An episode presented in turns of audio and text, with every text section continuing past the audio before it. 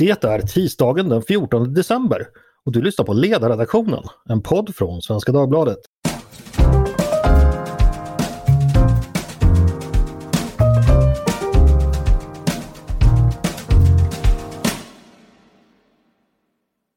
Varmt välkomna ska ni vara! Jag heter Andreas Eriksson. Idag ska vi prata om något så roligt som politiska tal. Just nu ägnar sig våra politiker åt att hålla jultal. Nyamko Sabuni till exempel, hon gjorde det idag. Annie Lööf ska göra det imorgon. Och vi fick precis nyheten att Ulf Kristersson blivit sjuk så han fått skjuta på sitt tal, men han hade i alla fall tänkt göra det. Jultal har alltså gjort sommartal och Almedalstal och årsmötestal och allt vad det heter.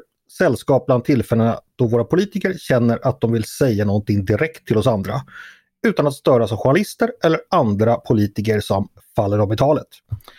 Men vad betyder egentligen ett politiskt tal idag? Varför håller politiker ens tal? Vem är det tänkt att de ska lyssna? Eh, vad vill de förmedla? Det ska jag diskutera idag med två mycket talföra gäster. Nämligen Moa Berglöf som är ledarskribent på Sydsvenskan och författare. Och du har tidigare varit talskrivare åt Fredrik Reinfeldt när, du var, när, han, när denne var statsminister. Välkommen Moa! Mm, tack så mycket! Kul att ha dig här igen. Du har varit med tidigare i podden. Ja, det har jag. Och en uh, annan som inte har varit med i podden men som är lika välkommen det är Håkan Trebell, uh, idag verksam vid Stockholms handelskammare i Uppsala län men också en bakgrund som moderat talskrivare, nämligen då Anna Kinberg Batra och Ulf Kristersson. Välkommen hit Håkan! Tack så jättemycket! Vi är alltså två moderata talskrivare mm. och med tanke på Moderaternas utveckling de senaste tio åren så antar jag att det innebär en enorm politisk bredd med tanke på hur partiet har styrtat sig fram. ja. Hörrni, ni ska vara våra, våra ciceroner när det gäller eh, politisk, den politiska talingskonsten. Och min fråga den är jätteenkel och den går till er båda två.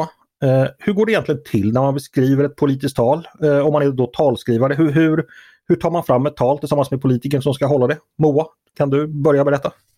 Ja, eh, alltså vad vi gjorde det var egentligen att vi, vi, hade ju framför allt som statsminister så håller man ju väldigt, väldigt många tal. Mm. Eh, så det blev ju en väldigt stor skillnad när det gällde partitalen och eh, de talen han höll som statsminister. Men om vi bara håller oss till partitalen, för där var inte liksom alla departement inblandade. Eh, mm. då, då hade ofta Fredrik en idé eh, som han bollade med oss. Eh, det här vill jag säga, ungefär det här vill jag att folk ska ta med sig därifrån. Eh, mm, okay. Vi gick tillbaka på kammaren och skrev. Och, ehm, och sen så pratade vi med honom och så, och så jobbade vi liksom fram talet så ihop. Eh, så det var mm. hans idé, eh, det var liksom våra ord. Sen var ju han en sån som aldrig egentligen, i, i, i alla fall inte som, som liksom moderat partiledare i partisammanhang, han höll aldrig ett skrivet tal. Utan Nej. han talade fritt utifrån en mindmap som han hade. Ja, okay. Så att, eh, så det, men, men ändå så var vi så att vi, vi, vi jobbade oss fram till så långt så att det skulle ha kunnat gå att hålla talet. Och då, det vi tyckte var viktigt och det vi jobbar väldigt mycket med, det var ju just det där att, att det också skulle vara ett talspråk i talet. Alltså mm. att det inte var eh, det skulle kunna hållas rakt upp och ner. Eh, jag tror att problemet som många ibland gör, det är att de skriver tal som att man ska läsa dem. Och det ska man inte. Men hur kändes det då? Ni, ni hade skrivit eh, ett helt tal som hade kunnat hållas och så gick han upp och, och, och freebasade bara. Alltså, blev det bättre tal av att han improviserade så eller vad, vad tyckte ni om det? Alltså så här, i, ibland så höll han ju eh, eh, ändå, eftersom vi hade jobbat med det så mycket så var det förvånansvärt likt det vi hade skrivit. Mm. Eh, ibland så blev det ju något helt annat när han fick feeling på scen. Men det är ju lite grann så här, talskrivarens jobb. Det får man bara acceptera. Man kan liksom inte försöka pusha igenom sina egna åsikter utan man försöker göra eh, det bästa man kan och förhoppningsvis så är det någonting som, har, som kommer med som man tycker är viktigt. Så det är ett samarbete hela vägen, så var det i alla fall för oss. Mm. Håkan, eh, känner du igen det Moa berättar om talskrivarens roll? Ja, delvis. Fast delvis annorlunda kan jag ju säga. Och det är väl inte så konstigt eftersom vi har jobbat med olika personer eh, också. Eh, och, och så. Um, och jag mm. jobbade ju dessutom med två olika partiledare så de, de skilde sig åt också. Och eh, jag har skrivit tal även i andra sammanhang, börs och ja, massa olika. Så det, det skiljer sig lite åt men på det stora hela så, så finns det mycket man känner igen. Men dels det kunde vara lite olika. Jag tänkte på det som Moa sa, att ibland är det, är det så att säga, politiker som kommer och säger det här vill jag säga. Eh, och ibland så är det mm. mer en öppen process. Att, att, jag menar, vissa tal är ju också sådana att man vet att de kommer. Du nämnde ju dem, ju, liksom, stämmotal eller Almedalstal. Och då finns det ju förstås möjlighet om man, om man, om man vill att, att liksom säga det här kanske du borde säga. Eh, Mm. Och så kan man ju ha en, en, en öppenhjärtig diskussion kring det. Och det ska man väl också vara öppen med att det är ju inte bara som talskrivare man är det, utan det är ju ofta många personer inblandade i den processen, även i partital. I alla fall var det, var det så under, när jag jobbade. Eh, så, mm. Även om det inte fanns departement. Nej, just det. Du nämnde att du har jobbat åt eh, två eh, och det är ju då Anna Kinberg Batra och eh, Ulf Kristersson som vi sa. Eh, kan du berätta lite, hur skiljer de sig åt i sitt sätt att jobba? Ja, nej men alltså det är ju två olika personligheter. All, jag tror så här, alla, alla skiljer sig väl åt. Det finns ju många likheter så att säga, eh, för att man, man behöver så att säga, samla styrkorna och, eh, och så. Men, men som stil har de ju lite olika. Äh, också. Ulf gillar väl lite mer, jag håller kanske inte riktigt med Moa om att man man kan så att säga visst läsa tal. Jag som sysslar mycket med musik tycker att man kan jämföra lite. Är det, är det ett klassiskt verk man framför eller är det jazz man improviserar fram? Eller så. Och musikgenren avgör inte om det, är, om det är bra musik utan det är så att säga kvaliteten på musiken som avgör om det är bra musik. Jag tycker det är likadant med tal.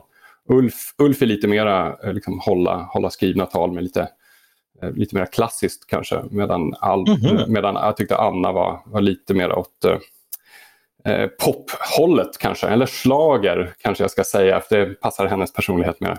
Men vad, Moa, då hoppar vi direkt tillbaka till dig. Vad, vad, är Fredrik för, för musikant här då, skulle du säga? Om vi använder den terminologin. Nej, men jag tänkte just på det som Håkan sa nu, att eh, vad jag menar med, med liksom skrivna tal, det är att jag eh, en gång när vi skulle, Fredrik skulle hålla, vi säger att vi ska hålla tal, men en gång när Fredrik skulle hålla ett tal i FNs generalförsamling det är ju väldigt många kockar med den soppan, bland annat Carl Bildt, vilket gör, gjorde det väldigt, väldigt stökigt. Eh, men dessutom så skulle vi då skicka in det till FN-representationen, alltså den svenska.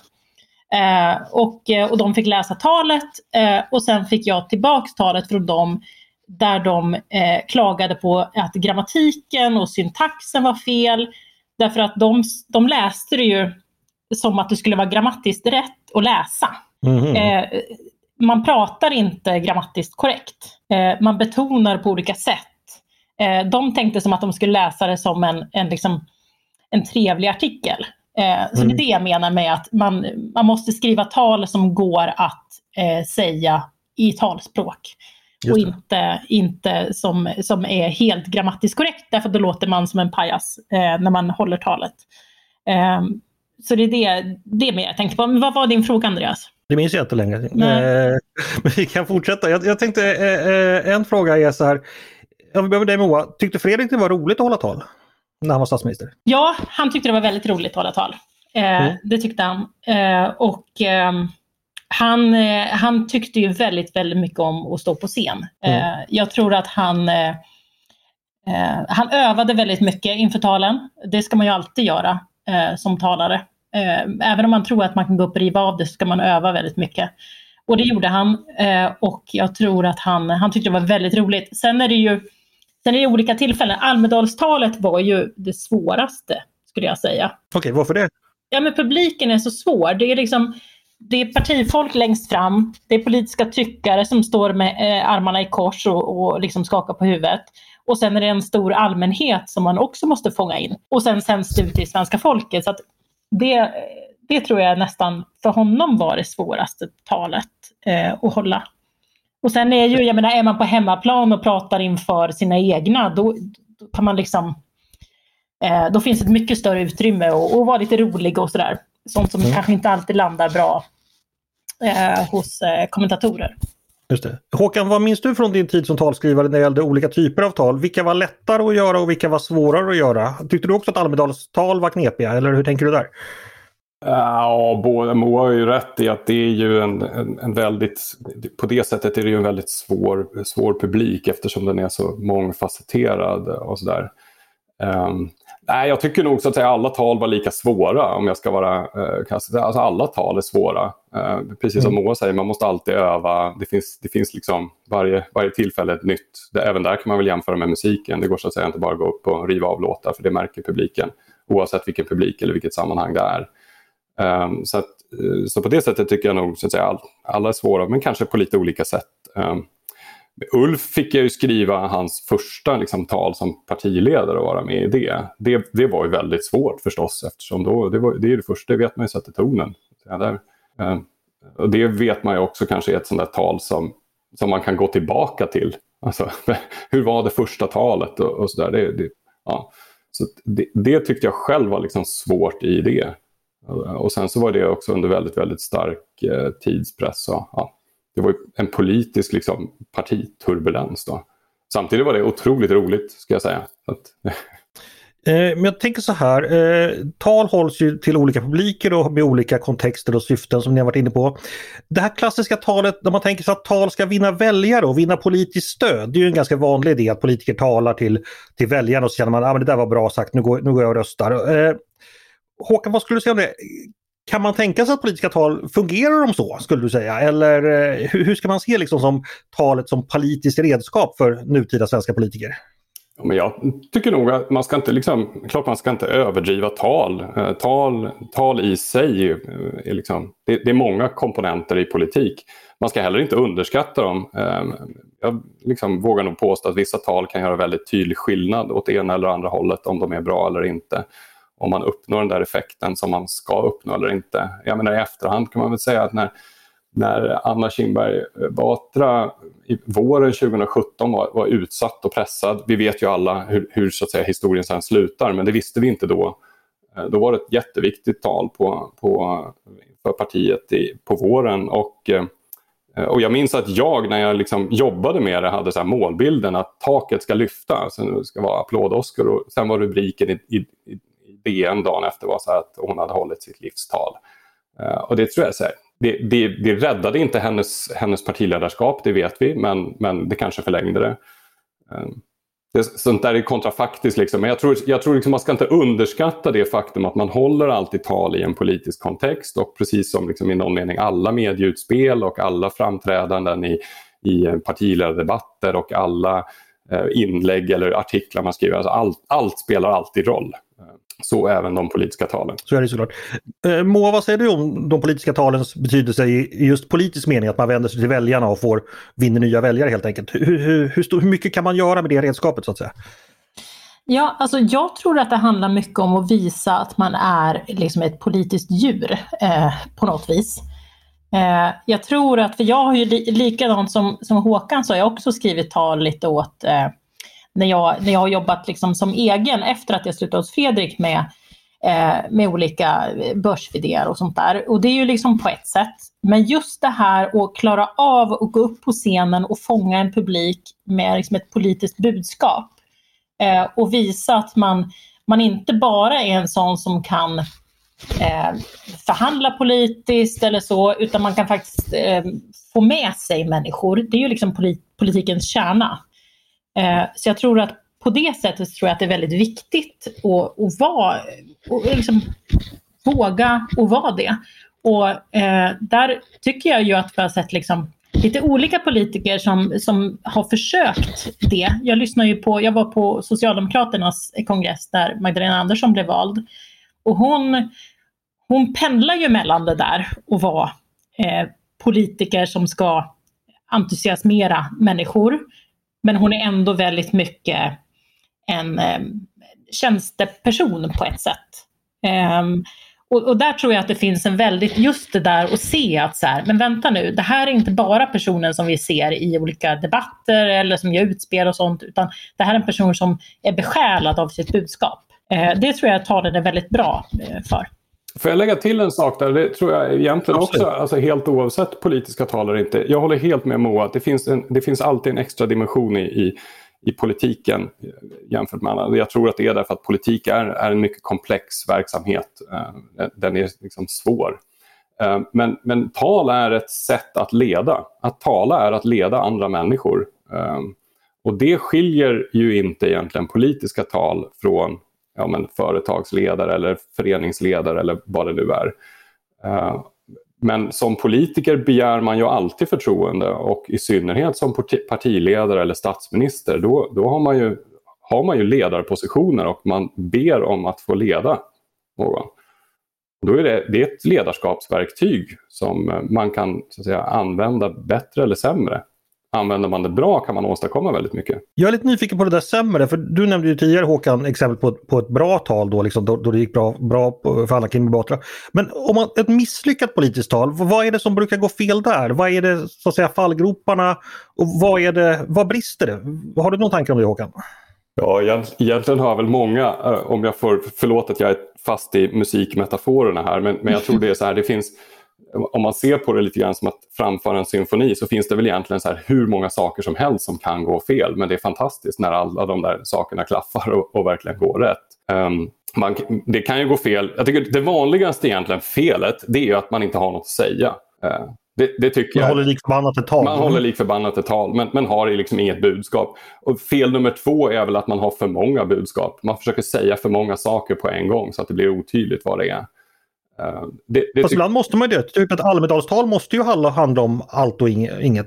Det brukar väl liksom vara, man ska rapa sig igenom hela partiprogrammet. I alla fall verkar de flesta tycka det ska vara så. Ja, fast det är ju därför du inte hör då. Alltså, jag skulle ju då karaktärisera det som inte särskilt bra Almedalstal. Det finns, man måste inte göra så. Det är klart att det finns vissa saker man måste, säga, måste beta av och kan ha, men, men man kan minnas saker. Alltså man kan göra man kan göra bra tal som har ett eller ett par tydliga budskap som inte försvinner i det där. Även om man har så att säga, vissa ritualer man måste förhålla sig till. Eh, Moa, samma fråga till dig då. När ett tal går fel, vad är det som brukar gå fel då enligt din erfarenhet? Alltså när ett tal går fel, det är ju när folk går därifrån och inte riktigt vet vad, de, vad det var de lyssnade på. Alltså inte, eh, för vitsen med ett tal är ju väldigt mycket att det ska plantera någonting hos människor som de sen kan gå och prata med andra människor om eh, det här var intressant, liksom, eller det här var starkt eller viktigt och så. Eh, så att jag tror att har man liksom inte tänkt igenom det tredje ledet eh, så är det ett problem. Man ska, det ska inte bara landa hos de som lyssnar, det måste liksom spridas vidare. Eh, så. Jag tror ju att det, ett stort fel som man kan göra det är att man Eh, ibland eh, så vill ju politiker ha sådär att de också ska dela ut någonting. Alltså de ska prata om eh, en eh, reform eller åtgärd eller sådär. Och så finns det liksom någon slags PM som man skickar med eh, journalisterna. Det är ju att gå igenom eh, vad det står i papperen. Mm. Alltså, och, och vara liksom för detaljerad kring eh, förslagen. Jag vet att Stefan Löfven gjorde det ibland, liksom att han började prata om eh, om det var JAS-plan och, och vad de kostade och allt sånt. Liksom, man ska inte gå in på sådana detaljer. Det, det, det är inte intressant för någon. Eh, pratar du istället var, var liksom, varför det är viktigt att ha eh, JAS-plan. Eh, så att, jag tror att det finns en tendens, och, eh, och kanske framförallt om man sitter i regeringsställning där man har så himla mycket fakta. Här, dra inte all fakta, berätta istället varför det är, är relevant. Eh, Just så att människor kan gå vidare sen och berätta för sina grannar eller familjer. Sånt. Jag hörde det här talet och det här tyckte jag var det viktiga. Och sen sprider det sig som vågor. Jag kan ge, ett, ge, ge också två otroligt konkreta råd som inte bara gäller politiska tal men där politiska tal alldeles för ofta fallerar tycker jag. Den ena är att man måste, man måste börja tal och då måste man väcka intresse. Det måste man göra fort. Man har inte mycket tid på sig. Eh, utan det ska liksom ske från mening ett. Och den andra är att man måste sluta tal och man måste sluta tal så att det är uppenbart att talet slutar. Eh, för det är också många som gör det. Det är många som slutar flera gånger ett tal. Och då blir man till slut osäker på om är det färdigt eller inte färdigt. Jaha, okej. Okay. Och så sitter man som en fågelholkare och vet inte om man ska applådera ja, eller inte. Precis. Vad skulle ni säga, svenska politiker idag, vi tar partiledarkretsen, är de duktigare, duktiga på att hålla tal och är det någon av dagens partiledare ni hellre lyssnar på än någon annan? Vad säger du Moa? Alltså, jag är ju extremt fascinerad av Ebba Busch eh, när hon pratade på den senaste. Nu vet jag, jag har fått så mycket skäll av läsare för att jag har skrivit fel i Sydsvenskan om om det heter landsmöte och landsdagar och partikongress och allting. Så jag vet inte vad Kristdemokraternas heter. Nej, det har inte jag aning om heller. Men, men, du eh, kommer inte få skäll av våra lyssnare för de är nej, mycket mer... Nej, det är bra. bra. Eh, men jag blev fascinerad av hennes, liksom, jag, jag, jag sa det till någon eh, bekant att det kändes som att hon talade i en sån amerikansk megachurch. Hon liksom hade det här anslaget som var väldigt stort. Eh, och hon eh, hade lite olika effekter och hon var väldigt liksom eh, jag vet inte om jag vågar, fast det gör jag ju nu ändå, men det var liksom lite frikyrkotal eh, kände jag. Mm. Eh, var det bra eller dåligt? Jag tyckte det var, alltså, jag håller ju inte med henne om hennes budskap, eh, men jag tyckte att jag tyckte att hon var väldigt, väldigt duktig eh, på att hålla tal där, det senaste som hon höll. Och det märktes, just som jag sa, så där, att det är så viktigt att se att den politiker som håller tal tycker att det är roligt. Eh, att de själva är liksom engagerade i talet, tycker att det är roligt, trivs på scenen och så. Så att eh, där tyckte jag att hon var väldigt, väldigt duktig. Eh, sen vet jag inte, sen tycker jag att jag har liksom haft lite Nooshi Dadgostar tycker jag också är bra. Därför att hon har en, en eh, hon har liksom fötterna på jorden på ett sätt. Eh, om man nu ska mm. ta liksom, två ytterkanter så, så tycker jag att de två just nu är de jag helst lyssnar på. Okej. Okay. En som sjunger med änglarna och en som har fötterna på jorden alltså. Eh, ja. Håkan, om du får välja några favoriter bland samtida politiker, vilka skulle du vilja lyfta fram i så fall?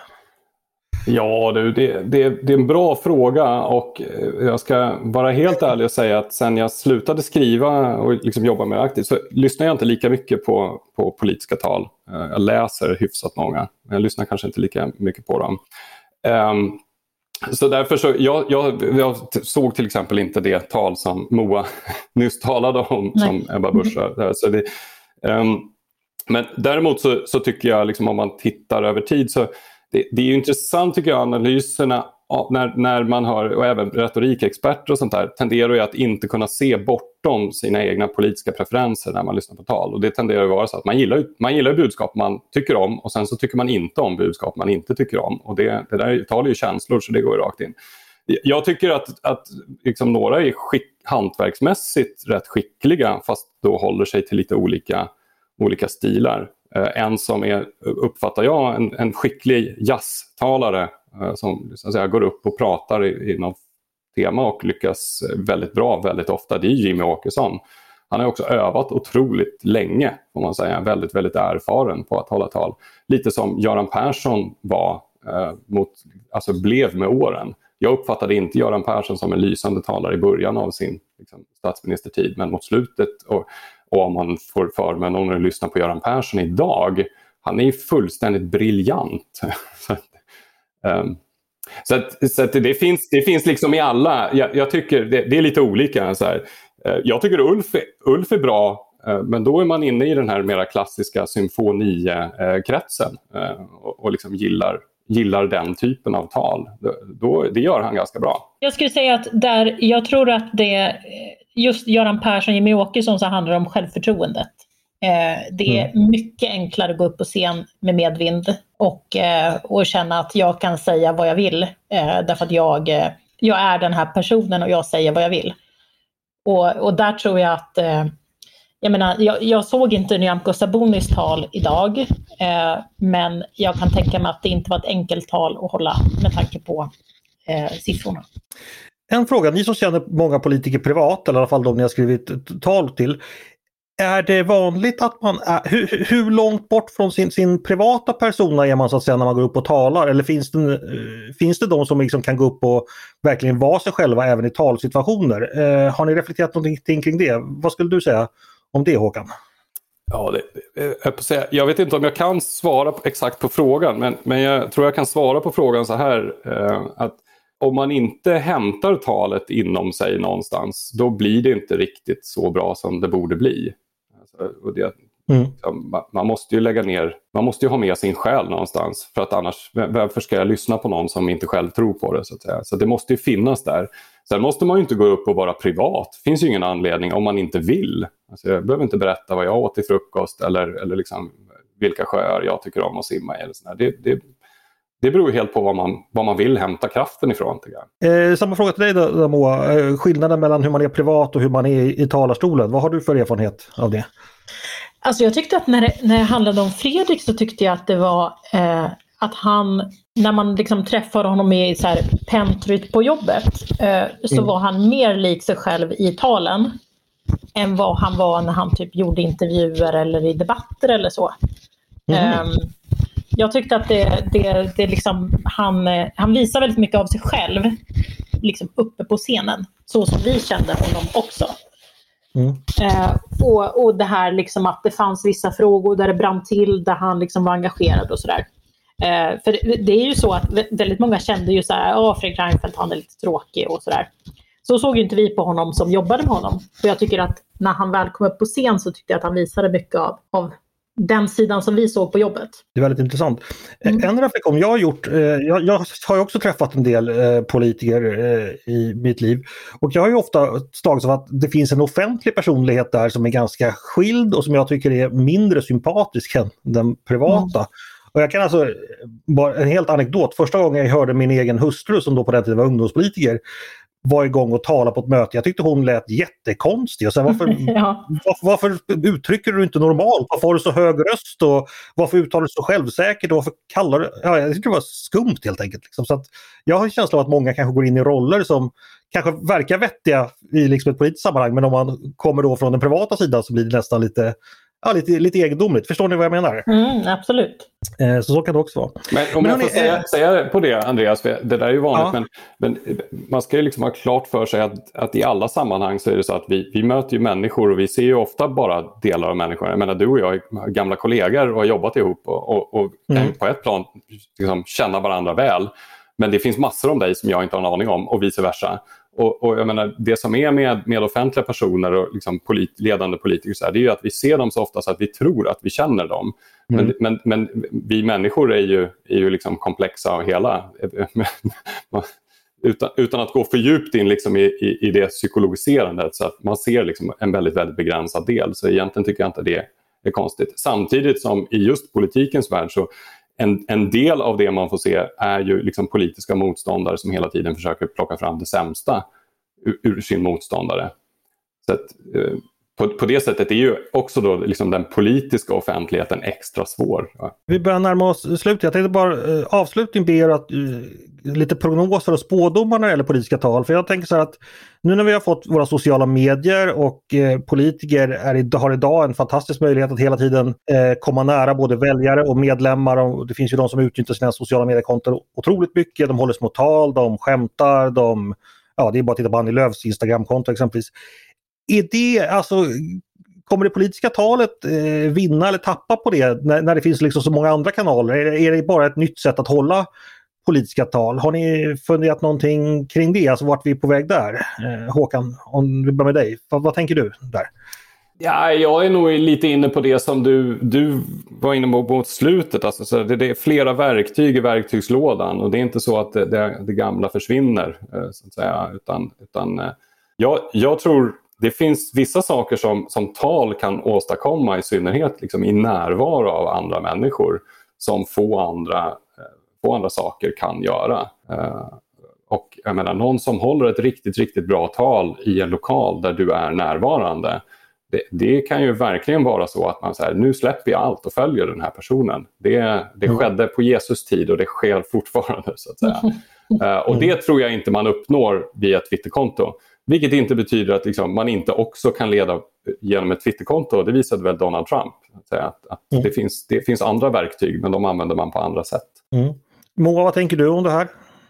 Nej, men jag tror också det. Jag tror också att det är lite olika målgrupper och lite olika. Det är klart att idag så funkar det inte att hålla ett tal då och då och inte vara närvarande i övrigt. Det går liksom inte. Eh, men jag är ju lite allergisk mot den här soundbite-fieringen. Jag tycker att det det finns en poäng i att kunna breda ut sig. Ehm, även när man är, eh, liksom, när politiker blir utfrågade i tv och sånt där, så liksom det, det är en sån tidspress.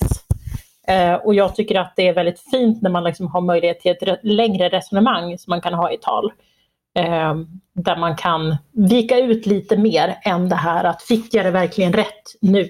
Utan att man, man hinner liksom resonera eh, kring det. Så jag, jag hoppas att, eh, att att de kommer fortsätta med det istället för att bara göra sådana här små korta inlägg. Jag tycker det Moa är inne på är, en, är liksom en, en, eh, också ett medskick till alla som sysslar med politik och inte minst analyserar politik och så. Alltså att i, i tal så tvingas man faktiskt eh, säga någonting. Alltså att ly, eh, lyssna på tal, läs igenom dem efteråt och se finns det ett innehåll också. Jag tror att här, en del av kritiken som man hör om politik idag är ju att det är så mycket soundbites, vad är det de säger, det är tom retorik etc. etc. Och Och eh, det kan man ju ta reda på huruvida det stämmer genom att faktiskt på riktigt analysera tal. Finns det någonting liksom bortom de här soundbitesen eller när man inte kanske sitter i rummet och låter sig eldas eller, eller hatas eller vad det man nu är. Eh, så, eh, så det är ett analysredskap som jag tycker är underskattat. Eh, Hörni, en sista fråga. Nu har ju alla som har lyssnat då blivit eh, väldigt förtjusta över det här med politiska tal. Har ni något politiskt tal ni skulle vilja tipsa om som man kan lyssna på ifall man vill börja bli, träna sig till Moa Berglöf och Håkan Trebell och skriva egna tal i framtiden? Ja. Ja. Eh, något som man kan hitta på Youtube eller något i någon bok eller så här. Något, ja, helt enkelt ett tips. Oj. Eh, alltså jag, eh, jag är ju, jag, jag avskyr ju att vara nostalgisk och titta på gamla politiska tal. Det är det värsta mm. jag mhm. vet. Eh, okay. Det är kanske är konstigt men eh, jag tycker verkligen inte, jag tycker så här, det bästa talet är det som inte har hållits. Men jag får väl tipsa då, med risk för att jag kommer få en massa skit i medboxen, så får jag väl tipsa om Öppna era hjärtan-talet som Fredrik Reinfeldt höll. Ja, eh, för där kan man ju ändå säga att det var många som gick därifrån och berättade det vidare och det har levt kvar. Eh, tror jag att jag kan säga utan att överdriva. Och det var du som hade hjälpt till att skriva det? Jag hjälpte till med det, ja. Jajamän. Mm. Håkan, har du något som du vill bli hatad för av ja, nej, alltså, jag, jag tycker nog, eh, om jag ska försöka ge tips i no, någon slags annan del av verktygslådan i så fall, så tycker jag att, att som i allt liksom, hantverk, vad det än är, så ska man väl bekanta sig med klassikerna. Eh, mm. Så att, uh, jag skulle tipsa om så här, uh, Gettysburg Address, Abraham Lincoln, um, Martin Luther Kings I have a dream, uh, vad som helst av Winston Churchill. nej, jag vet inte. Det, det, ja, det, det, låter, det, låter, det låter mm. jättepretentiöst mm. men, men jag tror så här, det finns ett anledning till att vissa av de här, här talen verkligen är helt odödliga. Svensk mm. politisk kontext så tycker jag kanske då man ska tipsa om Per Albin Hanssons folkhemstal som ju fortfarande i högsta grad är, är levande och liksom har definierat väldigt, väldigt mycket av modern svensk politik. Absolut, det var ingen tom retorik i det talet. Jag, jag ska passa på att tipsa själv också. Eh, gå in på Youtube, kära lyssnare, och lyssna på Ronald Reagans tal efter Challenger-katastrofen. Där han på slutet vänder sig mot, eh, Challenger exploderade ju då i, i våren 1986 och då var den första civila kvinnan som skulle upp i rymden och hon var lärare. Så väldigt många skolbarn hade suttit på förmiddagen och tittat på den här första lär, lärarinnan i rymden. Och allting flyger i luften i direktsändning och alla dör. Och han håller då tal och förklarar för barnen vad det är de, de, de har sett och varför det här skedde. Och det, och det tycker jag är en väldigt, väldigt, eh, det är väldigt emotionellt givetvis men det är också ett väldigt bra exempel på hur man kan vända sig till en målgrupp och göra även väldigt, väldigt svåra saker begripliga för dem. Så det, det är mitt tips. Och jag, och jag, kan också säga där Andreas att eh, alla Reagans tal som Peggy Noonan skrev. Eh, mm, hon skrev detta också. Det, ja, exakt. Det vill jag också rekommendera som en, som en, en annan kvinnlig talskrivare så var hon en fantastisk talskrivare. Hon har, hon har också skrivit en bok i ämnet som är mycket, mycket läsvärd. Eh, jag har glömt vad den heter just nu. Eh, men den heter något typ Hur man talar fast på engelska. Eh, jätte, jätte konkret och bra. Fick vi massor med tips där. Stort tack Moa Berglöf! Tack så mycket! Och tack Håkan Trebell för att du ville komma hit och, tack så och tala.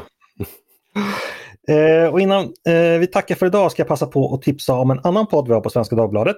Det är en nyhetspodd som heter Dagens Story. Där får man på en kvart varje dag en fördjupning i ett aktuellt ämne. Så där kan de verkligen tala också. Det du har lyssnat på nu det är Ledarredaktionen, en podd från Svenska Dagbladet. Varmt välkomna att höra av er till redaktionen med tankar och synpunkter på det vi precis diskuterat. Eller om ni har idéer eller förslag på saker vi borde ta upp i framtiden får ni jättegärna höra av er också. Då mejlar man bara till ledarsidan snabel svd.se. Stort tack för idag! Han som producerar idag, han heter Jesper Sandström. Själv heter jag Andreas Eriksson och jag hoppas att vi hörs igen snart.